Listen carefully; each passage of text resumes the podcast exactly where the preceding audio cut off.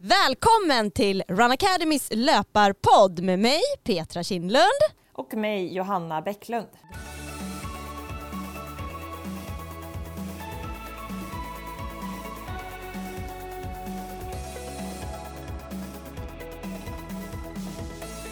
I dagens avsnitt ska vi prata om hur det gick för Petra på Transgran Canaria men också lite om mina förberedelser inför Rom halvmaraton till helgen.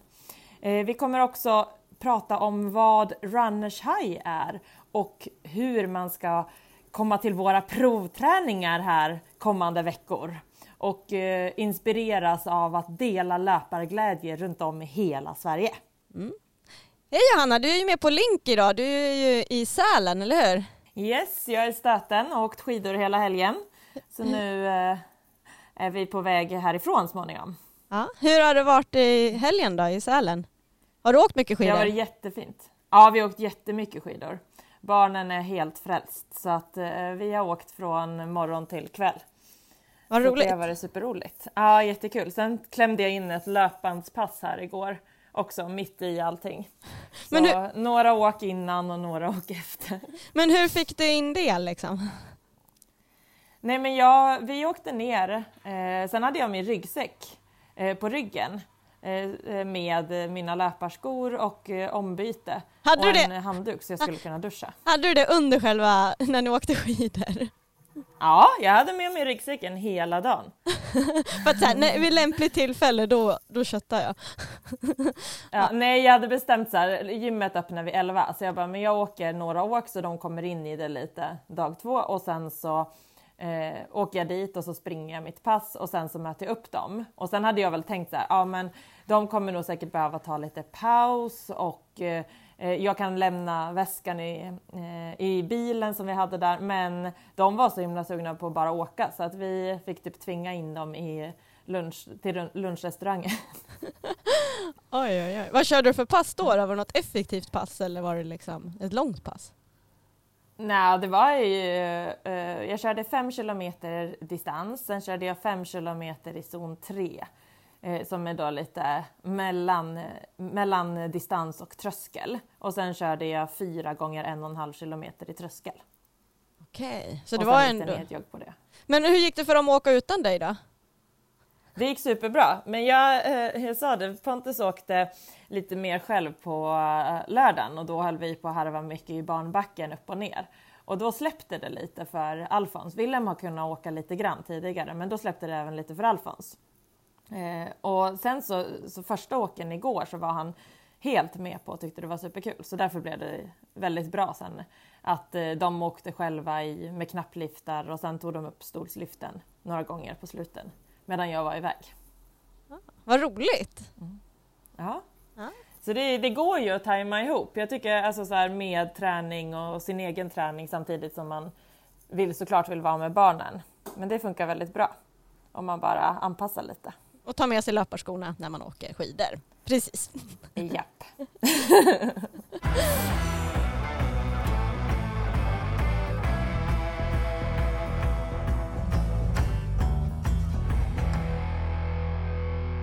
Hur gick det för dig?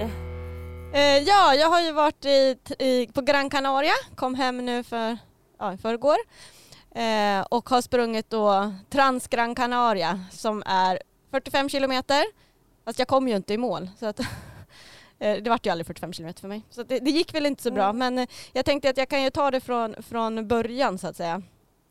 Eh, Absolut. Eh, Berätta det, allt. Ja, eh, för det börjar ju med att jag ja, alltså, för det första sen, man har små barn, det är väl inte jättebra att planera in ett, ett huvudmål i februari, så här, vabruari, när barnen typ alltid är sjuka. Eh, så träningen flöt ju på väldigt bra fram tills det var, ja, men typ, tills det var tio dagar kvar till loppet. Då började ju, kom ju Filip hem och hade feber och det var inte så lite feber, det var 39-40 graders feber. Och sen tog det någon dag så hade Vilja, min yngsta, eh, feber och sen åkte även Andreas, min man, på det.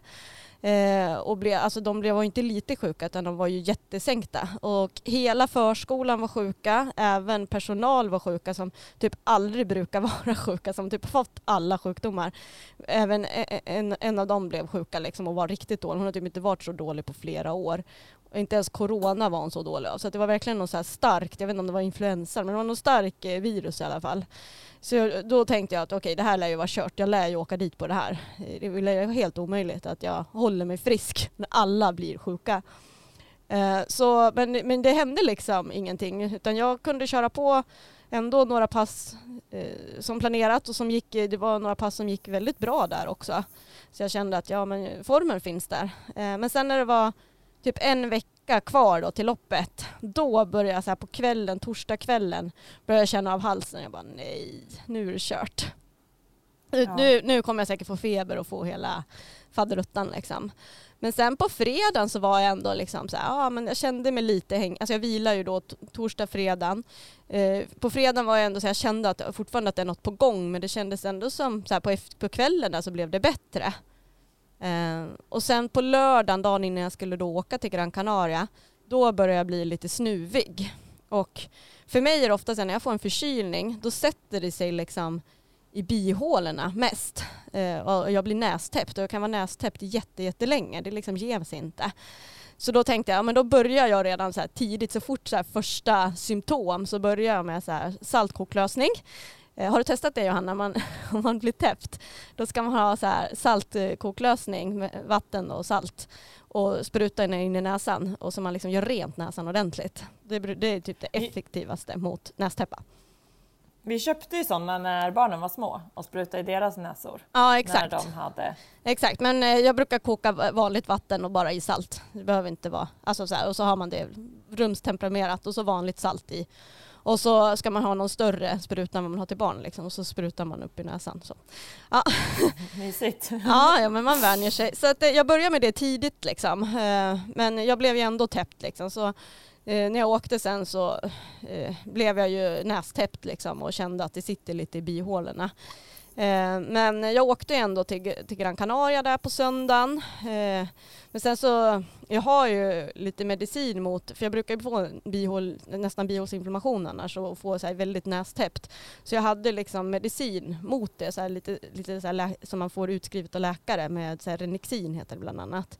Som är så tabletter man tar. Eh, och sen hade jag eh, kortisonspray för att det ska ge, liksom, få ner inflammationen. Så att jag nöt, körde, körde det redan från start för jag tänkte att det kanske läker ut snabbare om jag liksom börjar tidigt. Eh, så då var det ju ändå skapligt liksom så på, jag kände jag av det men det var ju ändå så här, jag, jag kunde ju andas liksom, ja, när jag tog medicinen så att säga. Annars ja. när man är nästäppt så är man ju helt täppt om man liksom eh, inte, inte får någon medicin, då går det inte att andas via näsan och det är ju skitjobbigt. Eh, men i alla fall, så på söndagen åkte jag i alla fall dit till Gran Canaria, mådde ju bra i kroppen annars liksom och sen på Eh, Eh, jag var ju osäker så här, om jag ska springa ens på måndagen. Men på måndagen när jag vaknade så kände jag mig ändå pigg i kroppen. Så jag tänkte att eh, men jag testar springa lite och se hur det går då. Och eh, då var ju också, vi hade ju vårt löparläger där, så att vi, då sprang jag med, med de första åtta kilometrarna. Så det var jättekul att få springa lite med dem och fota och sådär. Och det var så här pangdag då, det var den finaste dagen på hela hela deras vecka och på hela min vecka. Det var så strålande sol och man såg alla vackra vyer och helt fantastisk dag. Och kroppen kändes ändå liksom skaplig. Alltså, hade jag varit hemma hade jag aldrig sprungit den dagen, då hade jag ju vilat för då hade jag tänkt att jag var sjuk. Liksom. men, ja. men där kände jag så här, så här är det liksom att ska man springa ett lopp i, uppe i bergen på 1800 höjdmeter då måste man acklimatisera sig. Och jag kan inte börja acklimatisera mig dagen innan utan ska jag chans att acklimatisera mig då måste jag ju börja nu på måndagen liksom, så att jag får några vilodagar in, inför själva loppet. Så jag tänkte att om jag är ute i väldigt lugn takt och bara tar det lugnt plus att jag ville se banan lite också hur den var för de hade gjort en ny bana så jag hade inte riktigt koll. Det hjälper jättemycket att veta lite hur banan går när det är liksom, det är inte bara asfalt utan det är liksom väldigt eh, så här, tekniska stigar och lite så här, det är bra att veta vart det är tekniskt och var det är lite lättsprunget och var det är alla backar och sådär. Det hjälper jättemycket. Mm. Eh, så då tänkte jag att ja, men jag testar väl lulla på lite i väldigt, väldigt lugn takt och då kändes ändå kroppen bra.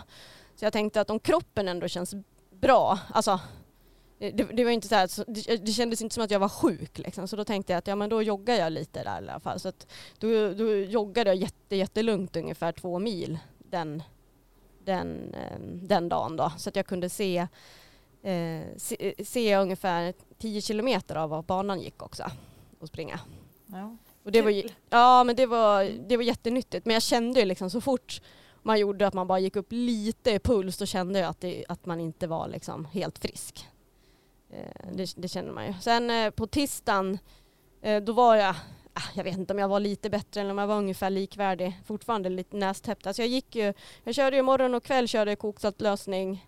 Sen körde jag kortisonspray och så körde jag Renexin varje morgon och kväll. Ja. Ja. Eh, så försökte med allt? Ja, jag försökte med allt liksom så att det där skulle ge med sig. Eh, sen, eh, så det blev ju lite bättre varje dag. Det blev det ju. Eh, så på tisdagen mm. då, eh, då joggade jag bara, alltså då hade jag också väldigt lätt. Jag vill ju, man vill ju också lite, inför ett bergslopp sådär så är det en väldig fördel att vänja benen att springa utför. Och det ger faktiskt effekt att göra det liksom bara några dagar innan. Eh, för då får musklerna lite stimuli och det gör att man tål nedförslöpningen mycket bättre. Eh, så det kanske låter helt konstigt. Eh, annars tänker man att man ska vila innan men just inför ett bergslopp så hjälper det att faktiskt vara ute och springa lite innan i bergen och liksom vänja musklerna vid att springa nerför. Så då tänkte jag att ja, men jag springer ner till byn nedanför som är typ 400-500 meter ner, höjdmeter ner. Så att jag bara får öva på att springa ut för. För det är ju inte så pulshöjande. Och sen gick jag tillbaka jätte, jättelugnt. Så det, var, det, var, det var ju bra bara att få, få upp liksom, ja men få, få öva lite teknik utför och lite, det var lite, så här, lite tekniskt utför. Eh, och sen så eh, få, få väcka musklerna lite. Och sen mm. tog jag en hel vilodag på onsdagen där så att jag för med förhoppning att det skulle bli, bli, bli helt bra där då. Och sen på torsdagen då joggade jag lite lätt. Men även på torsdagen så kände jag att fortfarande lite nästäppa liksom fortfarande. Så jag gick ju fortfarande på mina mediciner och ja. Men sen är ja. man ju så här när man Alltså man har åkt ända dit, man har liksom lagt alla pengar på att vara där, man har planerat för det här loppet länge. Eh, då känns, och sen så är det bara lite, lite lätt nästäppa. Då känner man ju ändå att man vill... Alltså kroppen känns ju bra annars. Liksom. Jag känner mig pigg i kroppen. Det var inte så att jag kände sjukdomskänsla. Eh, så då kände jag att jag ville ändå ge det en chans och se hur länge det räcker då, tänkte jag. Ja, eh, såklart. Eh, ja. så på fredagen, eh, några dags för loppet. Eh, jag var faktiskt ju bättre än vad jag varit på rest, hela veckan så jag blev ju bättre för varje dag men det var ju inte så här, säg att det var 95 procent bra typ. Jag känner ja. fortfarande att det sitter lite i bihålan men det är liksom så lite så jag tänker att man andas ju via munnen, kan det, det kanske inte ens påverkar liksom. Eh, och det vet jag inte riktigt så här, om, om det var det som påverkade eller inte. Men eh, jag kände mig ändå liksom, rätt skaplig liksom, den dagen. och, Skönt ändå att det var på den. Ja. ja, annars hade jag aldrig startat om jag kände sjukdomskänsla. Nej. Nej. Eller liksom kände mig inte bra. Alltså, det, är ju, det är ju väldigt stor belastning att springa ett sånt där lopp så det gör man ju inte bara sådär. Eh, utan då vill man ju känna sig eh, frisk. Liksom, så. Jag hade ju inte startat annars. Men det var ju den lilla nästäppan. Och det är ju liksom, det är mer lokalt än att det sitter i kroppen. Det är ju ingen infektion jag hade i kroppen. Utan det är liksom mer bara lokalt. Liksom, så. Men när man ska springa sådär långt så påverkas man ju, ju även av sådana små saker. Alltså allt påverkas ju av hur kroppen ändå mår. Men i alla fall, eh, så loppet då, eh, alltså det var en fantastisk stämning nere vid start. Det var, väl, eh, det var ju fullt loppet för flera månader sedan. Det var inte fler startande som fick plats. Så de har väl max här, i, i bergslopp brukar de inte ha mer än kanske tusen deltagare och sånt där. Man brukar inte få ha fler på loppen liksom. Eh, men det var en fantastisk stämning och jag var superglad att bara här, kunna vara i startlinjen för det trodde jag inte för en vecka sedan att jag ens skulle kunna stå där på startlinjen. Jag trodde jag skulle åka dit ordentligt som alla andra och bli riktigt sjuk. Liksom. Ehm, och min plan var ändå att jag skulle starta ganska hårt eh, för att det blir Eh, efter en kilometer, det är för typ asfalt en kilometer och sen går alla rakt in i en stig. Och då är det svårt sen att komma om så då är det lättare om man har en bra position att, liksom, eh, att, att hålla kvar den. Det tar mer energi att försöka gå om folk sen uppför backen. Liksom. För det börjar, hela loppet börjar ju med tusen höjdmeter uppför. Först en kilometer plant och sen tusen höjdmeter rakt upp. Liksom. Typ. Ja. Eh, så det är ju en ganska lång klättring på typ en mil eller något sånt där. Börja med. Eller åtta kilometer kanske va? Något sånt där. Eh, uppför. Så det var ju ganska, det, var, det är ju en tuff start liksom. Ja, Eh, verkligen. men så att jag tänkte, ja, men jag hänger väl på de snabbaste tjejerna här från start och ser hur länge jag orkar. Man måste ju testa. Eh, så då, det var ju sjukt bra motstånd och jag, jag var väl inte riktigt påläst heller. Jag kollade lite efteråt vad det var för tjejer jag sprang emot egentligen. För jag tänkte att jag ska inte läsa på för mycket för då blir jag väl rädd och liksom så här, inte vågar hänga på. så jag tänkte att jag, Nej. jag vill inte veta så mycket vad det är för person jag springer med utan jag, liksom, jag kör mitt race och så behöver jag inte tänka så mycket vad, vad alla, vil- vilka de andra är. Liksom. Ehm, men nu i efterhand så förstår jag att det var ju väldigt, väldigt bra motstånd. Jag tror jag aldrig sprungit ett lopp med så, så högt motstånd. Liksom. Det var hon som vann nu, hon kom ju tvåa på EM i, ja, förra året och fyra på VM. Då. Och sen var det Johanna Åström som kom tvåa som är jätte, jätteduktig traillöpare som bor i Norge där med Emelie Forsberg och springer. Hon tränar ju på heltid och bara kör. Liksom. Ja, hon är superduktig. Vunnit massa. Men sprang hon trail-VM förra året? Nej, hon var inte med på det då. Nej, men hon, hon kommer nog vara med nu i år, lär hon bli uttagen. Hon kan säkert vara med och kriga där i toppen, det tror jag faktiskt. Ehm, Ja. och sen, ja eftersom att hon var med och utmanade den här tjejen som kom fyra på VM så borde hon ju kunna vara med och utmana. Liksom. ja, då borde hon i alla fall ta en plats. Det tycker jag. ja, verkligen. Eh, och sen hon som kom trea nu på det här loppet, hon kom ju trea på VM förra året på 85 kilometer efter, efter eh, eh, Ida Nilsson där. Liksom. Ida, mm. Ja, så hon var väl efter henne där. Eh, men, och sen var det hon som kom fyra, hon har vunnit VM typ två gånger, skyrunning-VM. Alltså det, alltså det var liksom den nivån på många löpare, så det var väldigt så här, meriterade löpare. Eh, och alla var ju sidade och hade GPS-tracks på sig, förutom jag då, som eh, kom där som en joker och skulle springa. Då. Ja. Jag fick i alla fall Ja. starta i alla fall det- längst fram med, med dem, så det var ju bra. Ja, det var ju jättebra. Ja, men det var ju för att jag har sprungit loppet 2020, och då, men då var det inte alls samma motstånd och då kom jag ju tvåa, så då var det ändå därför jag fick starta liksom samtidigt eh, som, som de främsta där. Då.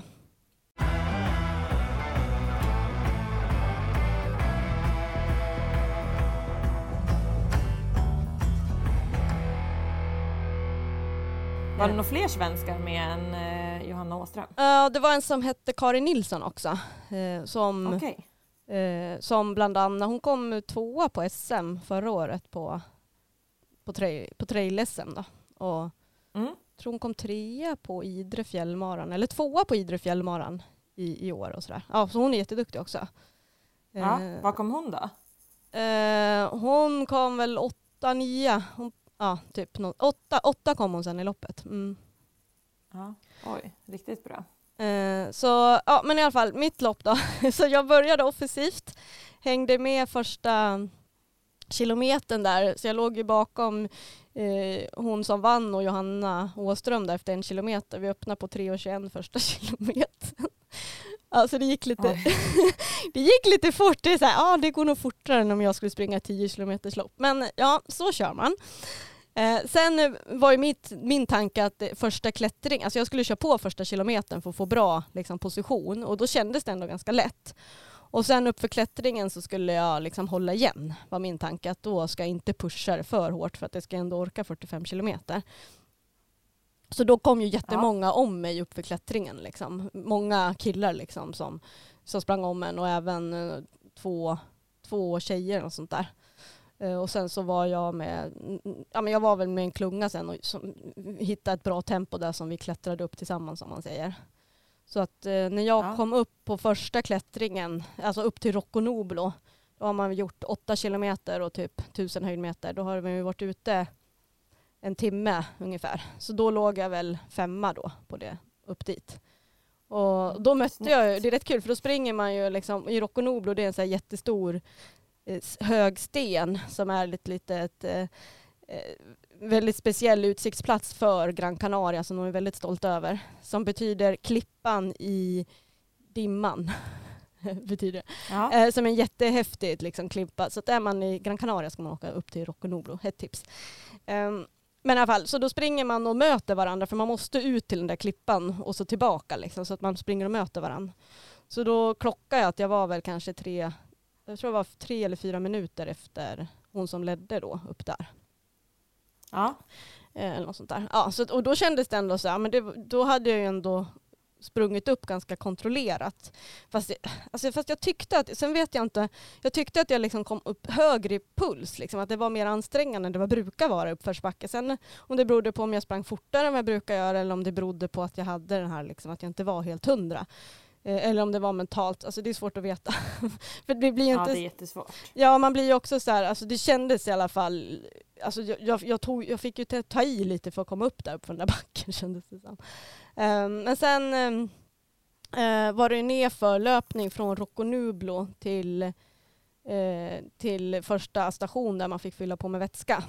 Och uh, jag låg ju då tillsammans med två tjejer och en var ju hon den där tjejen som sen kom trea eh, som jag låg. Ja. Vi låg ju hela vägen upp liksom. Och eh, sen så sprang vi ner. Hon var sjukt snabb nerför så att jag var lite stolt ändå att jag lyckades eh, hålla eh, samma tempo som henne nerför från Rocconublo till vägen. Det är ungefär en och en halv kilometer nedförslöpning som är ganska brant och stenig och lite teknisk. så att det, det, tar jag faktiskt med mig som något så här eh, positivt ändå från det här loppet, att jag försöker ändå hitta de delar som var bättre. Om man jämför, för den sträckan var ju på en och en halv kilometer. Och eh, man har ja. jag, jag, har jag kollat lite så här från 2020 när jag sprang. Då sprang jag ju den sträckan också. Och då var jag ändå ganska pigg vet jag loppet. Jag sprang då hade jag sprungit lite längre ska jag säga. Men jag sprang nu en minut snabbare nerför än vad jag gjorde då. Och då vet jag att jag försökte verkligen springa allt vi hade nerför för att jag höll på att tampas med någon tjej där då. Eh, ja. Men nu sprang jag ändå en minut snabbare, så det visar ju ändå att jag måste ha blivit bättre på att springa ut för när det är lite tekniskt. Ja, men det är jätteroligt när man ser sånt. Ja, så, att jag, och, så det tar jag ändå med mig att jag blivit bättre utförslöpare och sådär än vad jag var för, för det året. Liksom. Att jag kände mig mycket tryggare och att eh, jag kunde ändå hänga med nu den här tjejen. Eh, för sen var det ju utför i några kilometrar. Eh, så, och, och, där kunde jag ändå hänga med henne tills det blev lite för brant ut för då sprang hon ifrån mig. Men så, så jag tar ändå med mig att jag kunde hänga med bättre än vad jag gjort tidigare. De liksom som är så pass duktiga utför. Så det tycker jag mm. ändå, jag försöker ta med mig. I alla fall så länge benen var hyfsat pigga så funkar det. Ja men bra. Det är kul när man ser, alltså sån utveckling är roligt att se för då vet man ju så här, men då gör du ju rätt. Och ja. nu kan det ju bara utvecklas ännu mer liksom. Ja, Ehm, men sen så, ja, så hon den där tjejen som kom trea, henne låg jag tillsammans med ungefär nästan första två milen. Eller något sånt där. Uh, utan det var när vi kom till någon innan, eh, eller nej, kanske första 15 kilometern var det, för vi kom till en jättebrant trappa.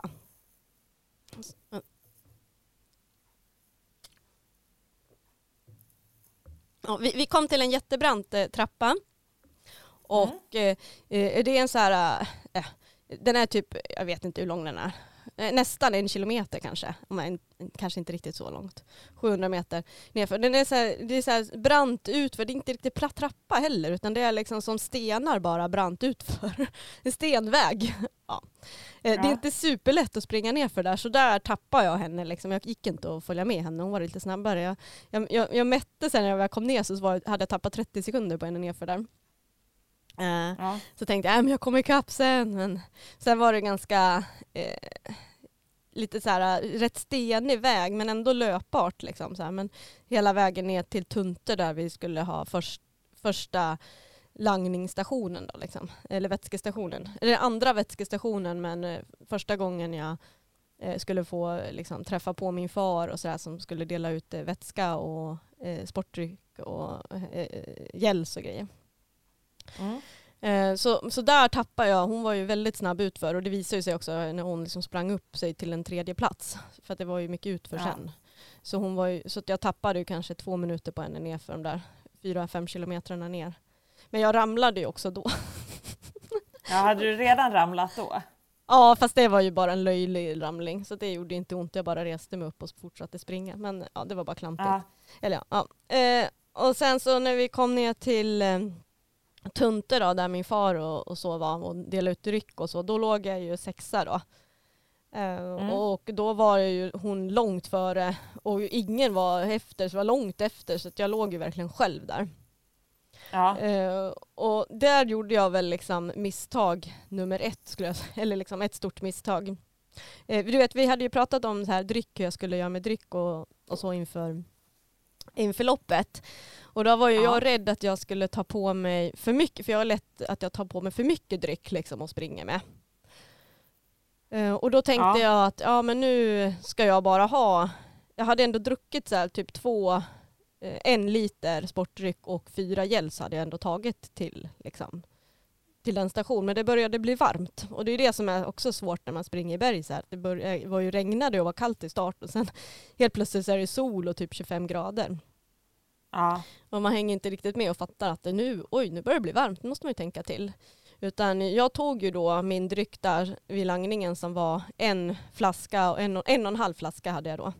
Och tänkte att det ska med fem gels, det borde jag ju klara mig i 10 kilometer.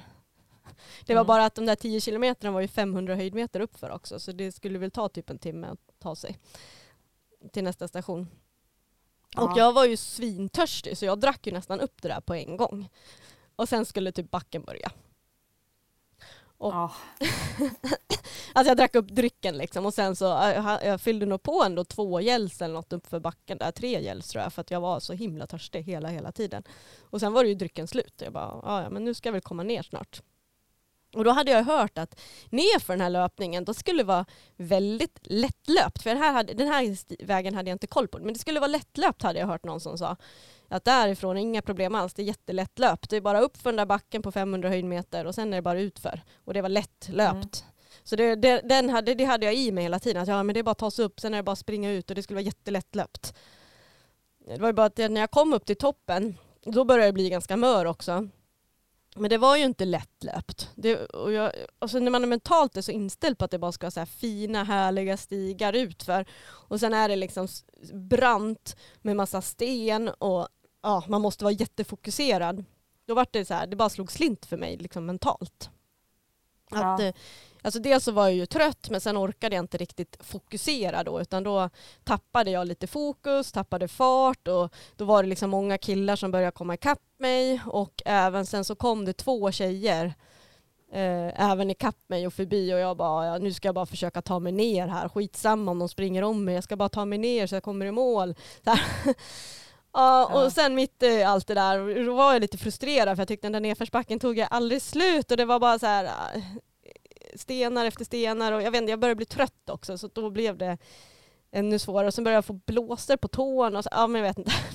Så det varenda steg gjorde ont och sen bara pang så var det någon jävla, oj jag ska inte svära, men det var någon sten där mitt i vägen som jag föll på. Eh, som jag Ja. inte, ja, det gick, går ju så himla fort så man hänger ju inte med.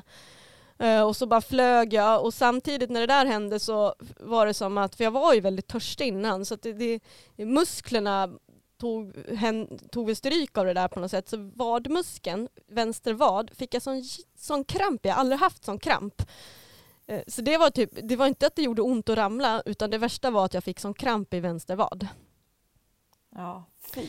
Så den bara drog ihop sig hela vaden och eh, eh, alltså jag bara låg och skrek.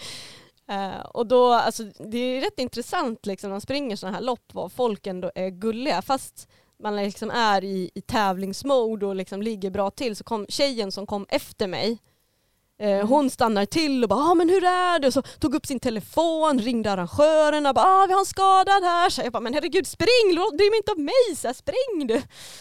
Ja. Och sen typ varenda kille som kom förbi där, de liksom stannade och bara ah, men hur är det? Jag bara ah, jag går bra, så här, spring. Jag vill liksom inte sänka deras lopp liksom. jag vill inte att folk ska hålla på.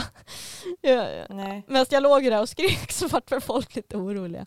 Men det var ju mest för att jag hade kramp och det vet jag ju själv att det inte är farligt. Alltså, ja, det var inte Mm. så mycket de kunde göra. Så jag hade ju några salttabletter som jag bara högg i mig och sådär. Men efter det och sen så jag märkte ju inte att jag hade ju slagit mig rätt rejält, men det, det märkte jag inte. Utan jag tänkte, då ändå så här, ja men jag ska försöka ändå springa i mål, skitsamma tänkte jag. Eh, Ja. Så försökte jag ta några steg men det gick liksom inte att springa. Eh, varenda alltså du hade ju sån kramp i vaden så att det, liksom, det gick liksom verkligen inte att springa så jag bara, men jag får väl typ gå ner. Um, och sen, ja, och då, där någon gång kom väl hon också, Karin Nilsson kom förbi där, hon som kom åtta sen. Uh, men där kände jag att, alltså det, nu, nu, det går liksom, alltså jag får ju typ gå ner för den här backen för att jag ska komma ner. Ja. och då kände jag att nej, alltså det är, inte, det är ändå 17 kilometer kvar till mål.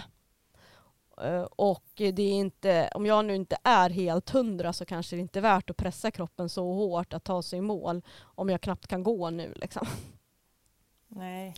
Eh, och eh, och liksom så med följdeffekter att man kanske mår skit sen jättelänge efteråt och sådär. Och eh, Eh, ja, och att eh, det gick liksom inte att springa överhuvudtaget. Så då, ja, så då bestämde jag mig väl där att nu ska jag bara ta mig till första station och sen så får jag väl försöka ta hjälp därifrån. Eh, det var väl bara att det var ju fyra kilometer dit liksom, så jag behövde ju ändå ta mig till stationen så att säga. Ja. Eh, så att, eh, ja, jag knatrade väl på och gick liksom sen resten av vägen till sista vätskestationen då som var innan mål så att säga. Som låg mm. ändå, fem, då var det ändå 15 kilometer kvar. Men, ja. Eh, och, eh, så att det, då var man ju rätt ledsen ändå för att jag hade ju ändå ett väldigt bra lopp på gång och det var ändå bara två kilometer kvar den där tekniska stigen och sen var det ju lättlöpt liksom. Så att, ja. Eh. ja. Men, man eh, vet ju aldrig heller vad det är som gör det.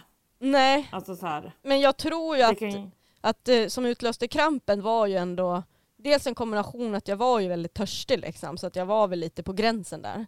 Men sen att jag fick ett sånt där fall med det där rycket och sen blev det ju, blev ju som en chock för kroppen liksom, så bara drog alltihop. Alltså hade jag inte ramlat så tror jag inte jag hade fått den krampen liksom. Nej. Nej. Eh, men sen eh, när jag, alltså jag var ju så himla törstig också.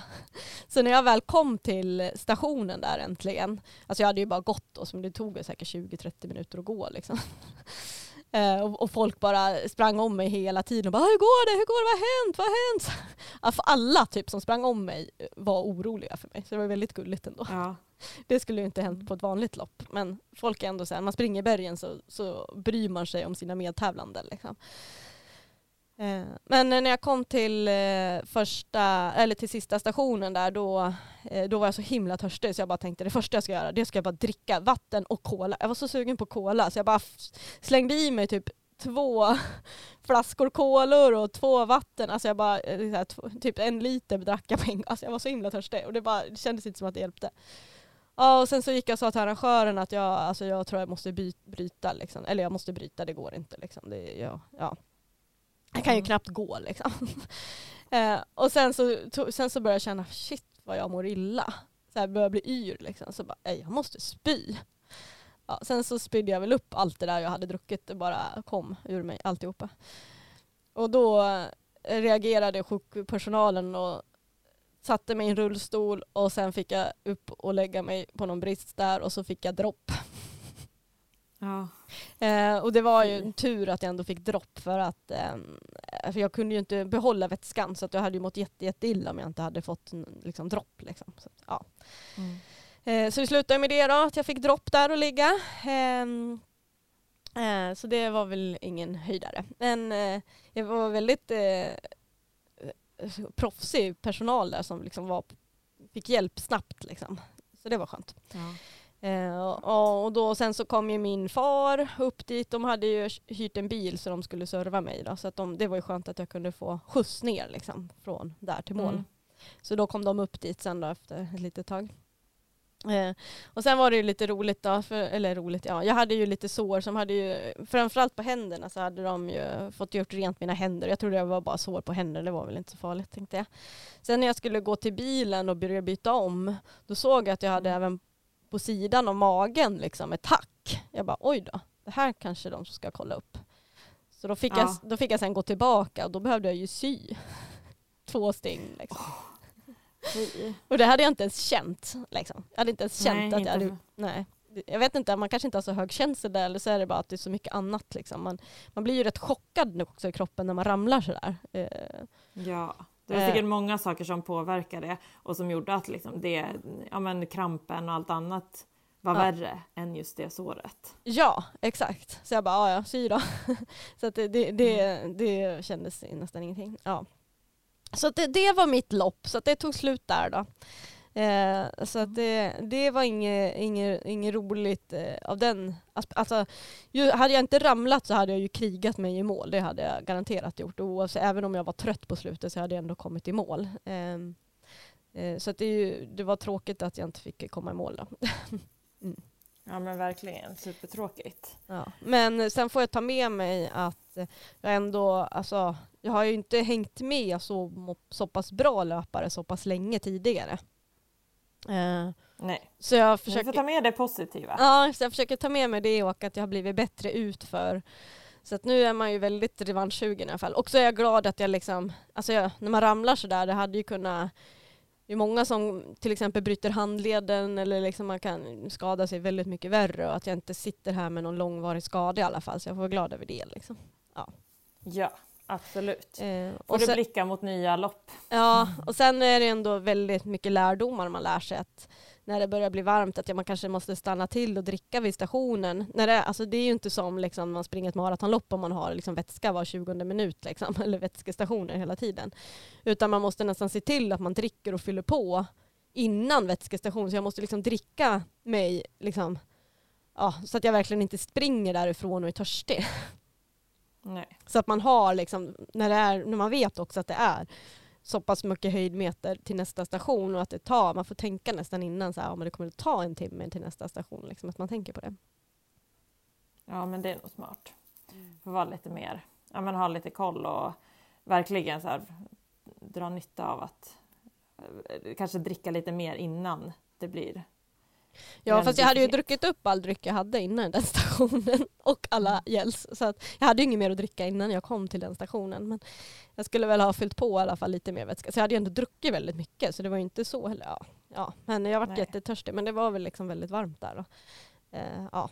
Men eh, sen var det ju eh, att också utför där att jag Ja men att man men- mentalt att jag måste öva på att inte ge upp. För jag utför när, jag var så inställd på att det skulle vara lätt utför och så var det så tekniskt Mm. utför och jag var inte inställd på det. Att jag mentalt började liksom ge upp nästan. för jag tyckte det var så jobbigt Ja. för jag var inte och var så trött. Liksom.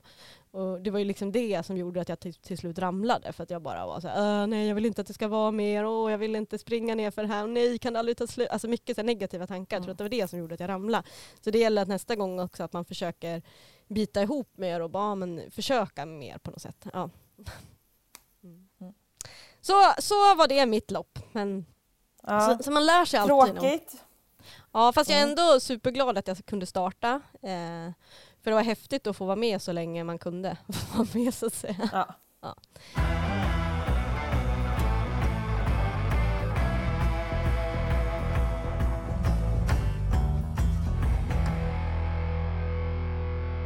Nu Johanna, du, du, nu får du prata om något roligare här. Du ska ju springa lopp i, i lopp i helgen du, i Rom. ja, det stämmer. Jag ska till Rom och springa Roma Ostia halvmaraton. Så Ja. på söndag ska jag göra, ja så det blir lite spännande. Jag känner att jag har ingen aning om min form. De senaste veckorna har jag ju bara sprungit väldigt mycket mängd så att vi har eh, Eh, jobbat upp mängden så att det har blivit väldigt, väldigt mycket löpning men inte så mycket fart.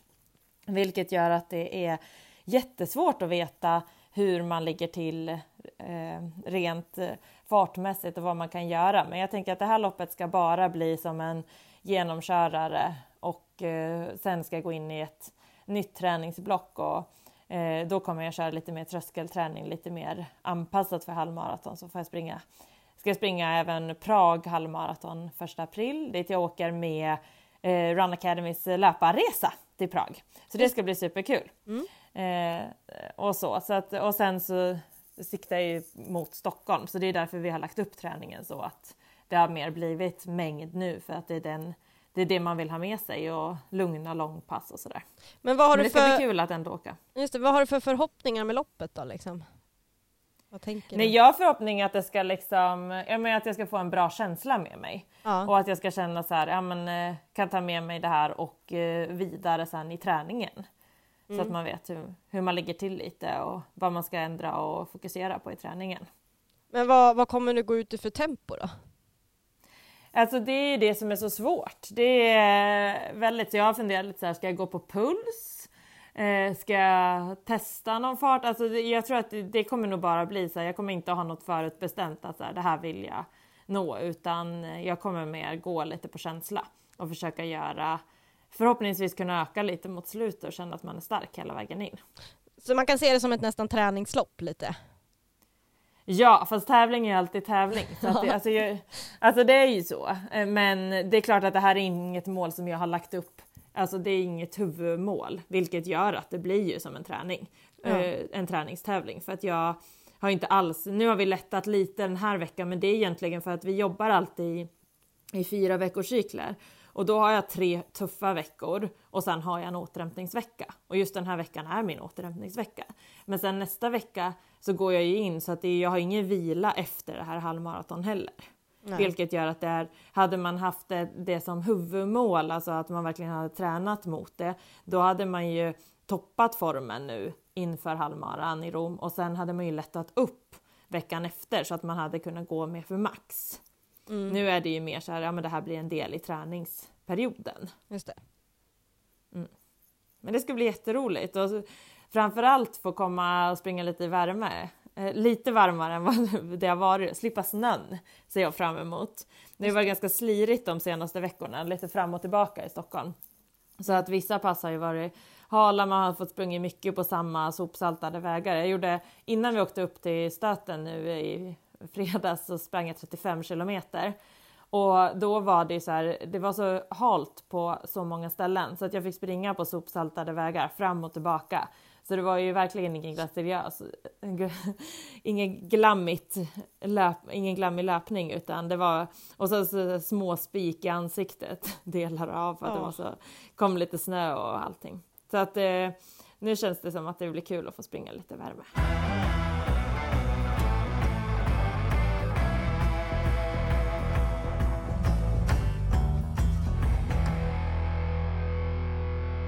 Så, men du Petra, vi har också fått in en fråga. Ja, okej, okay, vad kul. Mm.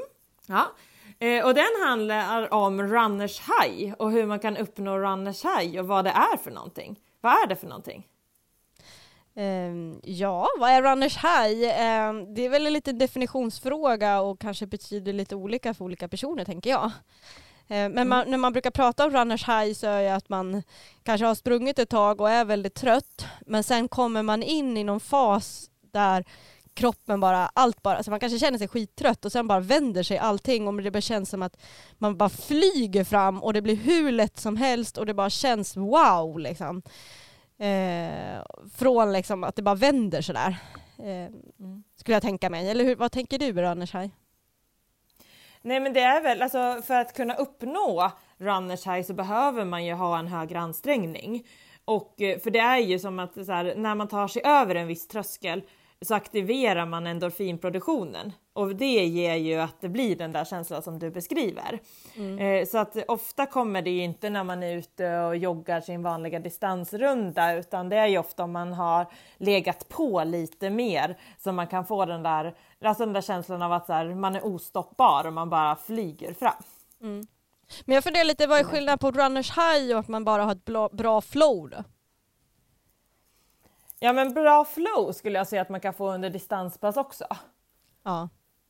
Ja, alltså du kan ju känna att du har så superpigga ben under ett distanspass. Men det är ju, in, det är ju ändå inte så att du liksom är på, på, alltså jag tror att den här, just den här runners high eller det att man känner så här, ja men då behöver man ha liksom pressat kroppen så att man har liksom, ja men på den tröskeln man befinner sig, alltså att man där, alltså det är som att man man är, ja, man är ostoppbar på ett helt annat sätt än bara att man har eh, flow i löpningen, skulle mm. jag säga. Mm. Men har det du, är svårdefinierat. Ja, har du, har du så här upplevt runners high? Liksom? Nej, det tror jag inte. Va? Jo, det måste du väl ha gjort? Nej. Det känns Nej, som att om inte du har upplevt det med så mycket du har sprungit, då lär ju ingen uppleva det. Nej men jag kan inte säga så här, alltså sen kan man ju ha ibland när man känner att man är väldigt stark, alltså någon gång så, men jag har aldrig känt så här, att, alltså så här, att, att det bara Nej, man, att det är bara så här, det här blir bara bättre. Det sist jag sprang i Rom, eh, just samma halvmara som jag ska springa till i helgen, då hade jag ett riktigt bra flyt. Men det är svårt att definiera det här, vad det är ett flyt eller vad det liksom, men då kände jag så här att, att eh, när jag hade en kille som jag sprang med och, och jag började bli väldigt trött vid 13-14, men jag bara, jag ska inte släppa han. Och då fick jag någon sån här extra kick av något slag. Så det kanske kan vara alltså så här, där det kändes så här bara, nej men eh, den här gången släpper jag inte. För att det, ofta är det så lätt att när man blir lite trött att man släpper då för att man är rädd för att bli trött. Mm. Eh, så det kanske att den gången kan ha varit, för då kände jag mig verkligen så superstark hela vägen in i mål. Oftast annars så springer jag ju ganska fort i början. Eh, vilket gör att det brukar bli ganska jobbigt på slutet. Jag fattar. Men jag tänker också så här, det är ju en liten definitionsfråga också vad runners high är. Jag kan tänka, alltså jag kan ju känna så här, så här euforisk känsla när jag springer på så här vackra ställen som man bara, och sen så är det så här, åh idag har det så här pangväder också, och det var så fint och det var så här, alltså då blir det nästan som runners high fast det inte är på grund av att man springer sig trött utan bara för att det är så himla vackert överallt. och att man bara liksom ja utstråla glädje. Fast det är ju inte runners high kanske, men det blir ändå den känslan på något sätt. Liksom. Um, uh, så jag tänker att uh, man kanske kan få, få, få, få liksom utgå lite för sig själv vad är runners high, än att, man ska liksom, att det ska finnas en beteckning egentligen för det här är runners high och du måste känna så här, utan mer att man, när, när var det som härligast att springa? Mm. Uh, ja men verkligen. Uh, att, för annars blir det så här, man ska definiera att det ska vara, kännas någon så sån euforisk känsla, då blir det som till och med att du inte ens känner att du har haft den. Liksom. Då är det ju ingen som känner att de har haft den. Uh. Nej, det är svårt då. Alltså just där när det blir så här, det är ju väldigt abstrakt så det är svårt att ta på vad det är och mm. när det kommer. Mm. Eh, och då blir det lite så här, men eh, man kanske ska utgå som du säger så här, från någonting som är riktigt, har varit riktigt härligt i ens löpning. Ja, och, och hitta ett bra flow. Men ja, för mig var det ju då den där gången som jag berättade om förut när vi var i Marocko där, inte i år, utan året innan. Eller när jag var där och reka med Niklas och vi hade sprungit så här typ tre mil om dagen och inför sista passet var jag så trött så jag trodde inte jag skulle kunna ens gå upp för första backen liksom. Och så hade vi stamplat oss i två mil och benen var så trötta och så himla slut och så skulle jag ändå springa en mil till. Och då efter fem kilometer, eller två kilometer, ytterligare eller något sånt där. Då, då bara lossnade allt och bara all, alla smärtor försvann. Allt bara försvann och det bara flög fram och jag sprang typ ifrån Niklas och bara nu känns det hur bra som helst. Då tror jag att det var liksom lite mer så här runners high känsla liksom. Eh, för då, ja men det man brukar prata om är att man ska hålla på länge och att kroppen så pass slut men sen så kickas det igång med endorfiner som gör att man får eh, krafter från ingenstans. Så det var ju lite så. Eh, men annars mm. har jag ju haft intervallpass där man har haft så väldigt bra flow på, man har känt liksom, så här, liksom som att eh, man, man är, liksom, det går knappt att bli trött.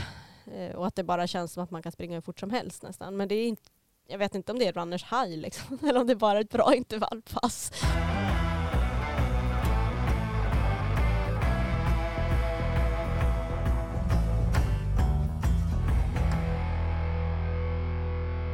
Men om man vill uppleva den här glädjen eh, i löpningen och att man pressar sig lite extra på intervallpass om man är sugen på att utmana sig själv och bli snabbare eller starkare eller bara vill komma igång med löpningen. Då ska man ju verkligen nu komma och testa på våra provträningar som vi har under vecka 10 och vecka 11. Mm. Det håller jag med om. Mm. Mm. vi håller ju på att förbereda vi... nu allt, allt för fullt här nu för att det ska bli så bra som möjligt. Vi har ju till och med ett nytt pass också nu inför prova på passen som inte kört tidigare. Mm.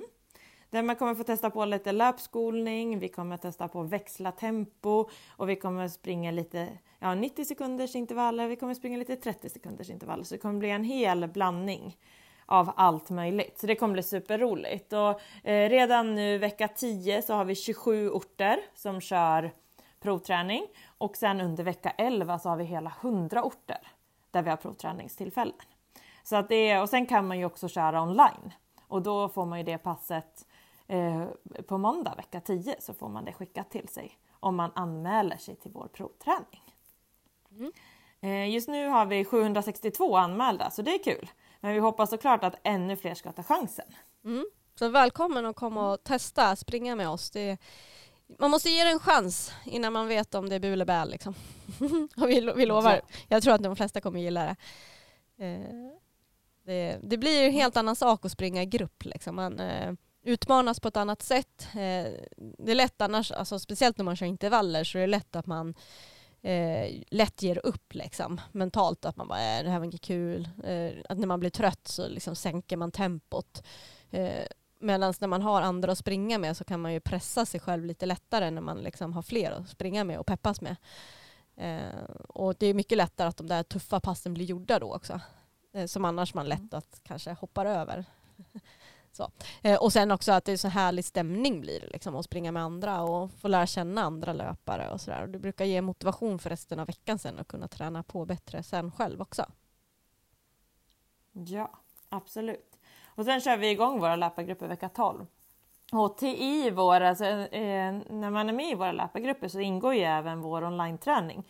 Så där får man ju tips mellan de här fysiska passen som vi har en gång i veckan. Där får man pass, eh, tips på vad man ska, kan köra. Det finns ljudfilspass, det finns styrkepass som man kan köra på egen hand mellan träningarna tillsammans med oss. Man kan också bygga sitt eget träningsprogram eller delta i våra träningsutmaningar och sådär. Så man får verkligen extra mycket pepp. Mm. Så att det är eh, superkul om fler hänger på oss.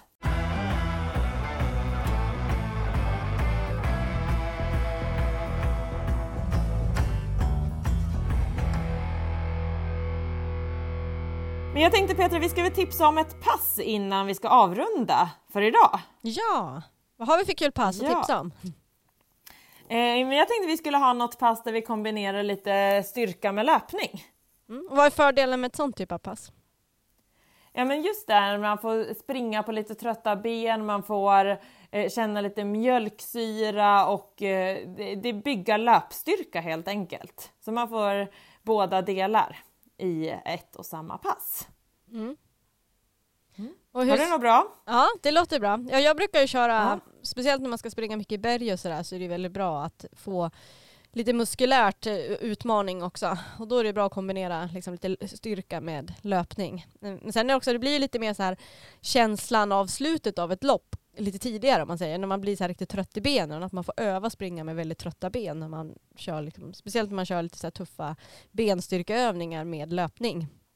Så vad mm. tänkte du på för kul då? Jag tänkte att vi skulle kombinera som ett cross, eh, en crossdel. Ja. Så att man kör eh, 30 sekunder av en övning, sen kör man 30 sekunder löpning, sen kör man en ny övning och så kör man 30 sekunder av den och så kör man löpning igen och så, så gör man tre olika övningar och så kör vi det i tre varv. Mm. Mm. Och... Så att första varvet så kör man knäböj, alltså vanliga knäböj, bara går ner i 90 grader. Och sen springer man, sen kör man upphopp.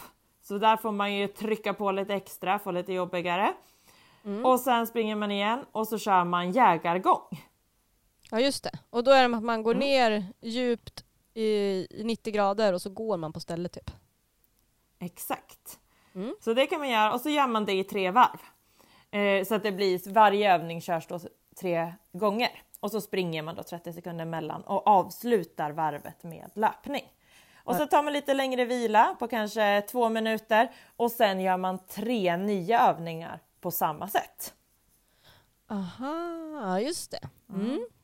Det blir tufft. Och, ja, det blir tufft. Och då på de tre nya övningarna så kör man, kan man köra, börja också där med en knäböj, men då kör vi en knäböjsvariant så vi gör som en stjärna. Så man sträcker upp när man kommer upp. Ja, just det. Så man går eh, ner och sen, och sen ut med benet liksom. Ja. Exakt. Och sen så kör vi upphopp men med rotation. Så man vänder 180 grader varje gång man hoppar. Just det.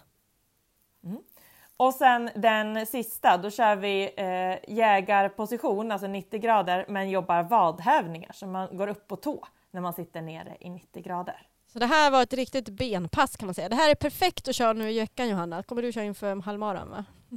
Ja, absolut. Nej men det är perfekt att köra om man eh, har lite uppbyggnadsträning. Mm. Så att eh, då är det perfekt att köra. Och sen också för att få in lite eh. styrketräning som lätt kanske man fuskar med som löpare. Då kan det här vara ett bra sätt att få in styrketräningen för att det ska bli lite roligare också. Ja, verkligen. Så det vill vi tipsa om. Och som du sa att det är bra om man vill springa lite trail och lite bergslopp och sånt, att man kan utmana sig på det här sättet. Så se till nu att ge er ut och spring och eh, njut av löpningen och passa på att komma och testa ett pass tillsammans med oss. Ja, nu kör vi! Kom, igen, kom och spring! Vecka 10 och 11 prova på pass och vecka 12 kör vi igång. Så, hej då allesammans!